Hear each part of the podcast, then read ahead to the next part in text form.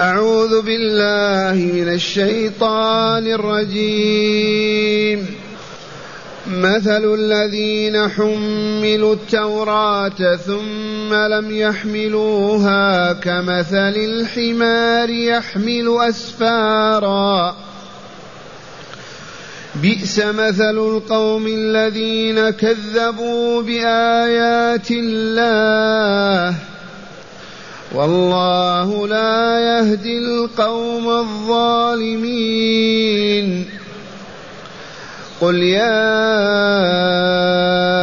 أيها الذين هادوا إن زعمتم أنكم أولياء لله إن زعمتم أنكم أولياء لله من دون الناس فتمنوا الموت فتمنوا الموت إن كنتم صادقين ولا يتمنونه أبدا بما قدمت أيديهم والله عليم بالظالمين. قل إن الموت الذي تفرون منه فإنه ملاقيكم. ثم تردون إلى عالم الغيب والشهادة. ثم تردون إلى عالم الغيب والشهادة فينبئكم بما كنتم تعملون. أحسنت.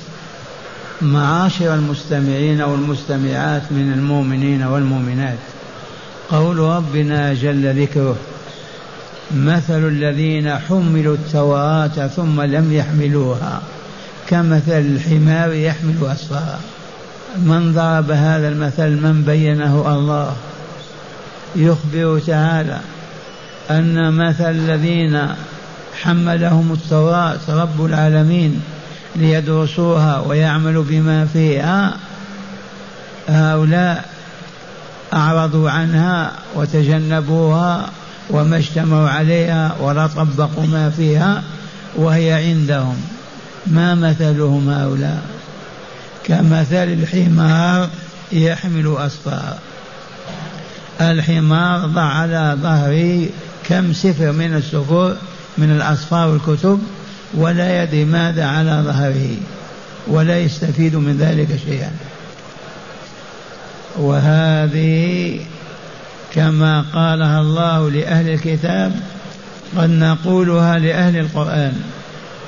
فالذين يحفظون القرآن ولا يعملون به كمثل الحمر تحمل أسفارا. الذين يقرؤون القرآن ويشركون بالله ويفجرون ويفسقون ولا يعملون بما فيه والله مثل كمثل الحمار. الحمار يحمل أسفار كتب عظيمة ولكن لا يعرف ما على ظهره. وهذه موعظة كاملة. مثل الذين حملوا التوراة من حملهم إياها الله؟ أنزلها على عبده ورسوله موسى وطلب من بني إسرائيل الإيمان والعمل. فآمن من آمن وعمل من عمل ثم انتكسوا وارتدوا وأضاعوا التوراة ولم يعملوا بشيء في التوراة ومن ذلك في التوراة صفات النبي محمد فكذبوها وأعرضوها في التوراة الإيمان بالنبي الخاتم محمد فلم يؤمنوا به وحاربوه وهكذا مثل الذين حملوا التوراة ثم لم. ثم لم يحملوها أي يعملوا بما, بما فيها كمثل الحمار يحمل أصفارا ثم قال تعالى بئس مثل القوم الذين كذبوا بآيات الله. بئس هذا المثل مضروب للذين كذبوا بآيات الله. ما كذب اليهود بالقرآن ما كذبوا الرسول صلى الله عليه وسلم وكانوا عنده في المدينة وحاربوه وسقوه السم وحاولوا قتله وما إلى ذلك. لعنة الله عليهم. عجب هذه الآية. مثل الذين حملوا التوراة. التوراة كتاب عظيم في ألف سورة كتاب عظيم أنزله الله على عبده ورسوله موسى عليه السلام. وفيه الشرائع والأحكام والآداب كما في القرآن. وفيه نعوت النبي الخاتم وصفاته وإذا بهم كذبوا بكل ذلك والعياذ بالله. فمثلهم كمثل الحمار يحمل أسفارا أي كتبا. بئس مثل القوم الذين كذبوا بآيات الله من العرب والعجم واليهود والنصارى ومن كل البشر. بئس مثل القوم الذين كذبوا بآيات الله. وأخيرا والله لا يهدي القوم الظالمين. والله لا يهدي القوم الظالمين. فمن ظلم أشرك وكفر فسق وفجر اعتدى وظلم الله عز وجل لا يهديه وقد علمنا هذا غير ما مر وهو أن من توغل في الفساد والشر عام بعد عام عامين بعد عامين كذا يجيء وقت ما يهتدي ما يقبل الهداية أبدا يرفضها. رفضها اليهود وهم في المدينة. ويسمعون قراءة القرآن ويشاهدون الرسول يصلي والمؤمنون وما آمنوا. والله لا يهدي القوم الظالمين. وقد بينت للسامعين والسامعات أن الظلم ثلاثة أنواع. ظلمك لنفسك أولا بارتكابك الجرائم والموبقات والذنوب الآثام فإنك تخبثها وتلوثها. وتصبح منتنا عفنا ما يرضى الله عنها أبدا ولا يرضى أن تجاوره في السماء أبدا. ظلمك لربك بعبادة غيره. العبادة التي تعبد العبادة بها تعطيها لغيره. أي ظلم أفحش من هذا الظلم. ومن أظلم ممن افترى على الله كذبا. إن الشرك لظلم عظيم. فإياك أن تأخذ عبادة من عبادات الله وتعطيها لمخلوق من مخلوقات الله. حتى ولو كان الحلف بفلان وفلان. ظلم عظيم. إن الشرك لظلم عظيم. الظلم لغيرك من عباد الله كافرين ومؤمنين. لا تعتدي على أموالهم لا تعتدي على أبدانهم لا تعتدي على أعراضهم. لا تسب ولا تشتم لا تقبح ولا تقير أبدا وإلا أنت ظالم. ومن ظلم فقد ظلم نفسه. عرضها للمسح والسخط. والله لا يهدي القوم الظالمين في كل زمان ومكان. من توغل في الظلم وواصل الظلم وما انقطع ما تاب ما رجع يبلغ مستوى ما يقبل التوبة. أبدا. وبشرت الآن بأن وزير الأوقاف المصري أو الشؤون الدينية أعلن عن حرمة الدخان. وقال للرجل إذا امرأة المرأة إذا زوجك أبى أن يترك الدخان طالبي بطلاقه. ذي فاتحة عظيمة. هذا الحاكم المصري أعلن هكذا بلغت الآن أن الدخان حرام لا يحل بيعه ولا شراؤه ولا غرسه ولا انتفاع به أبدا. الحمد لله. نعم. قال السائل المفتي المفتي وغيره. الحمد لله. إذا والشاهد عندنا في المتوغلين في الدخان ما يستطيعون أن يصبروا عليه. سوف يشتعونه في الخفاء ويستعملونه. ولا يهديهم الله. لأنهم توغلوا في هذا الفساد. والله تعالى نسأل أن يعافينا ويعافي كل المؤمنين والمؤمنات.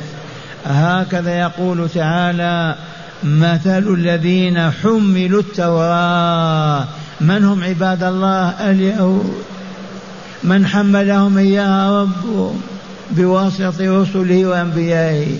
حملهم التوراة كيف يعملون بها؟ يحلون ما أحل الله ويحرمون ما حرم الله ويعبدون الله بما شرع من أنواع العبادات. ثم لم يحملوها أضاعوها أملوها. لهم مثل كمثل ماذا؟ كمثل الحمار يحمل أسفارا حمار عليه كتب على ظهره ينتفع بها.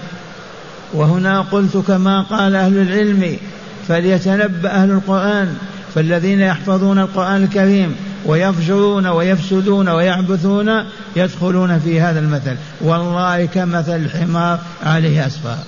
ما انتفع بها.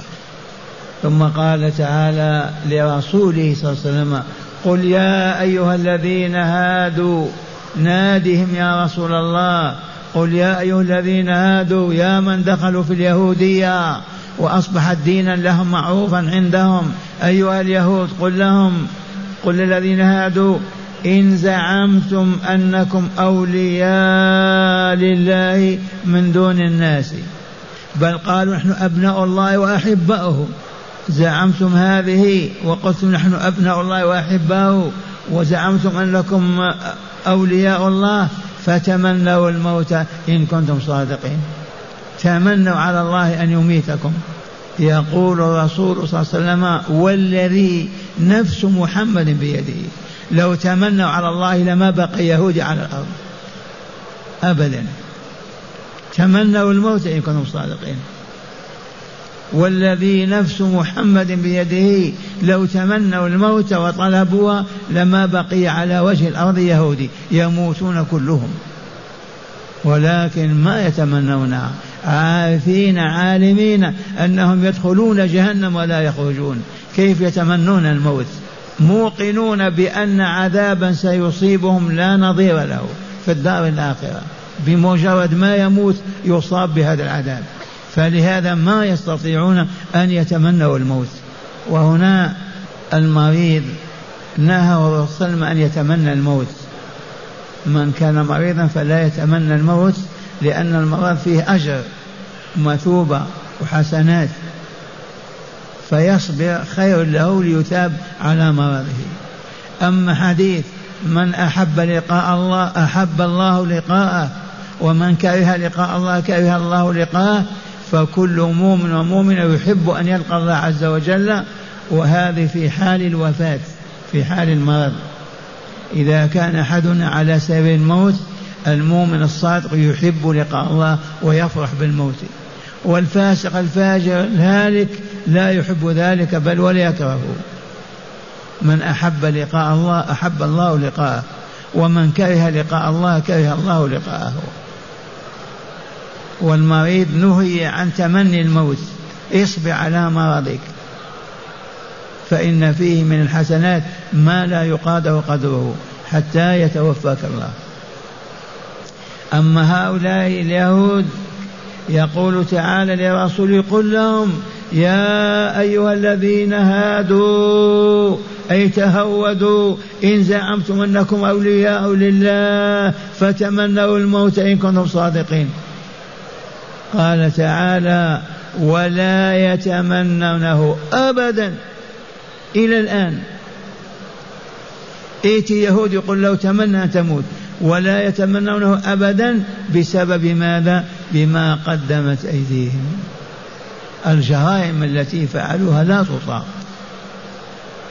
كانوا يقتلون سبعين نبيا في اليوم الواحد. وفي المساء الأسواق عامرة يبيعون ويشترون. وحسبنا من ذلك حسبنا من ذلك. ماذا فعلوا؟ نبينا صلى الله عليه وسلم خاتم الأنبياء حاولوا قتله غير ما مر. وكذبوا وافتروا وقالوا ما قالوا وساقوه السم كما قلت لكم. إذا فهم شر الخلق. يقول تعالى ولا يتمنونه أبدا بسبب ماذا؟ بما قدمت أيديهم من الظلم والشر والفساد. هذا هو السبب المانع لهم من أن يتمنوا الموت. والله ما يتمنونه أبدا. بسبب ماذا يا ربي؟ بسبب ما قدمت أيديهم من سفك الدماء وإراقها والكفر والشرك والعياذ بالله والفسق والفجور والكذب على الله وعلى رسوله وأنبياء وعلى عباده. أصحاب هذه الجرائم ما يتمنون الموت أبدا ولا يتمنونه أبدا بسبب ماذا؟ بسبب ما قدمت أيديهم. والله عليم بالظالمين. إن قلت كيف هذا؟ الله عليم بهم ولهذا عرفهم والله ما يتمنى الموت. عرف ما هم عليه من العقائد الفاسدة والأخلاق الهابطة والشرور والمفاسد. فلهذا علم تعالى أنهم لا يتمنون الموت أبدا.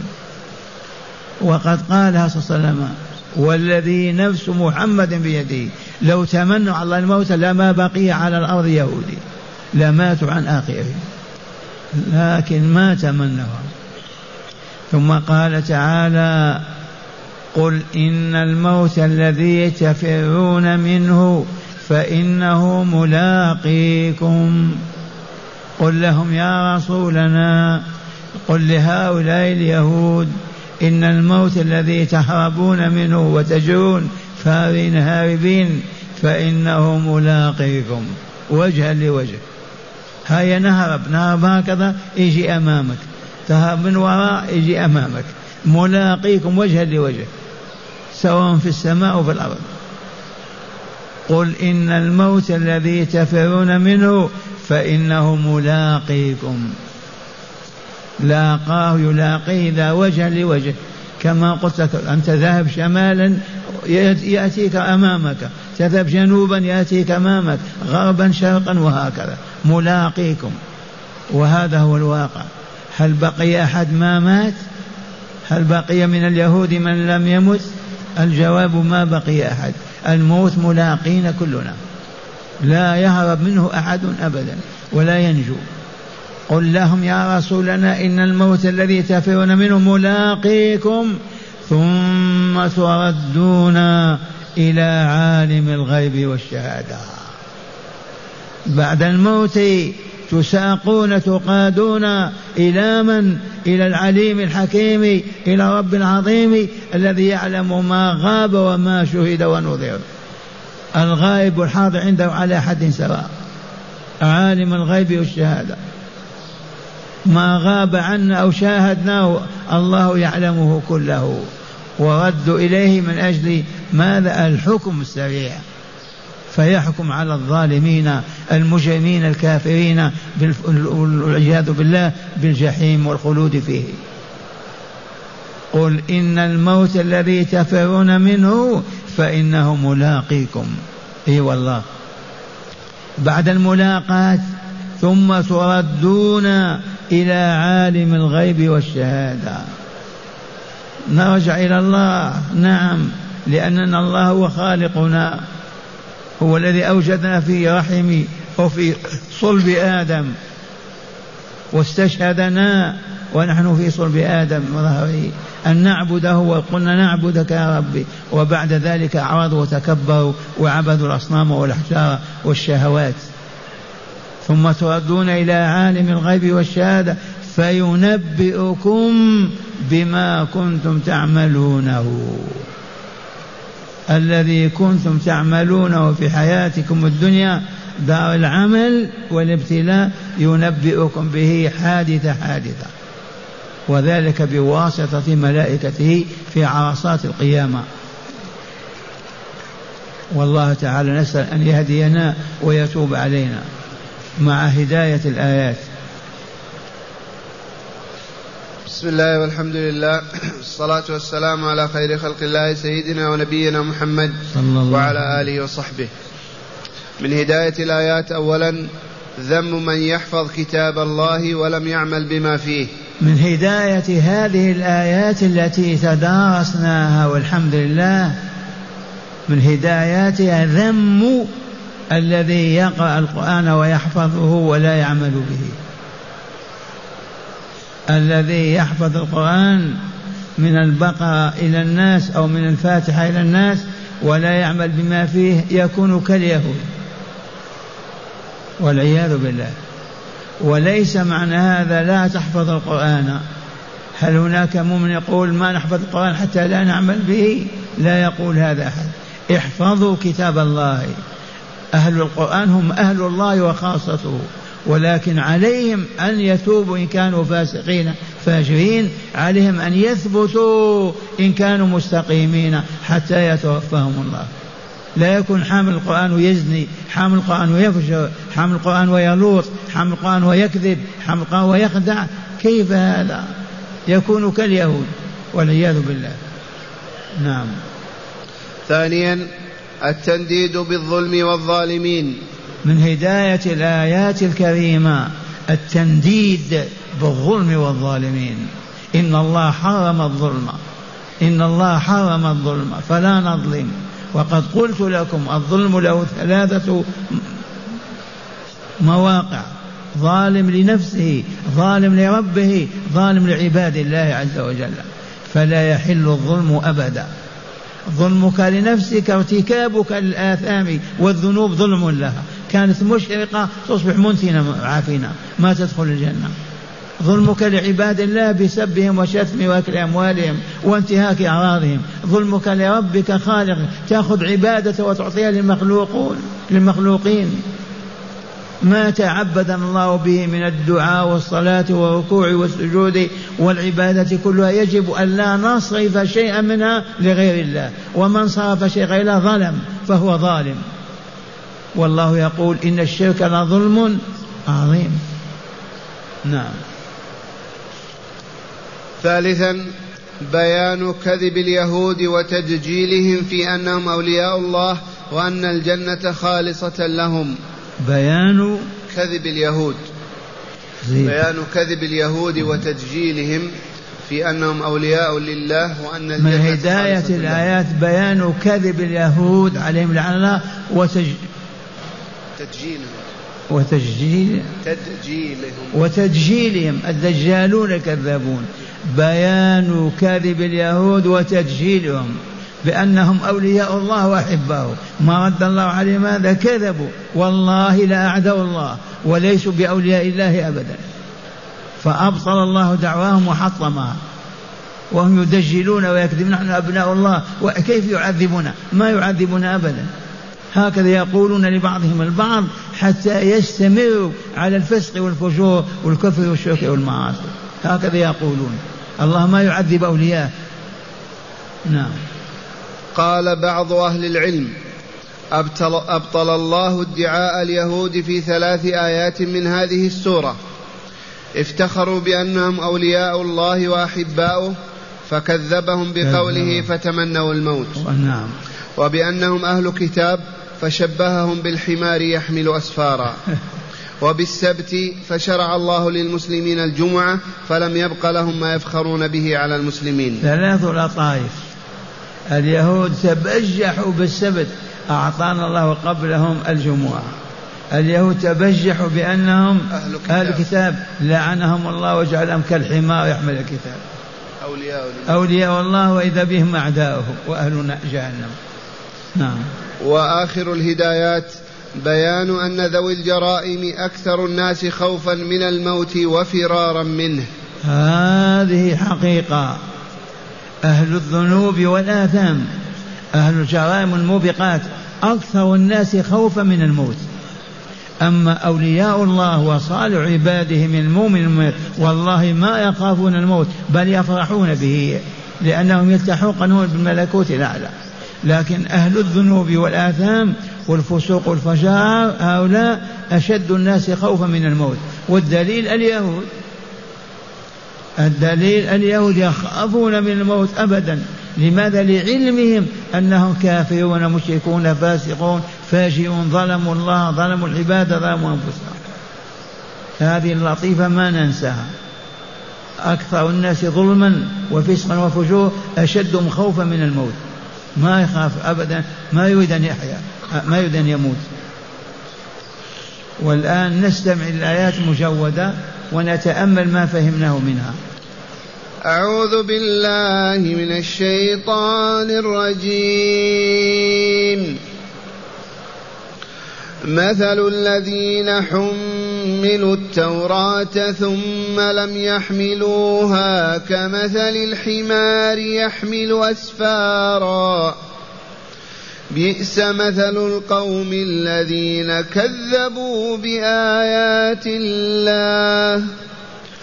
والله لا يهدي القوم الظالمين. قل يا أيها الذين هادوا إن زعمتم أنكم أولياء لله من دون الناس إن زعمتم أنكم أولياء لله من دون الناس فتمنوا الموت إن كنتم صادقين. ولا يتمنونه أبدا بما قدمت أيديهم. والله عليم بالظالمين.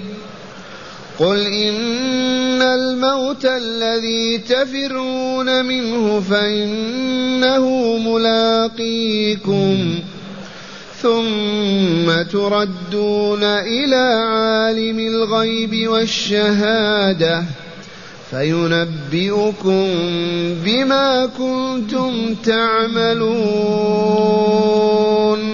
أحسنت.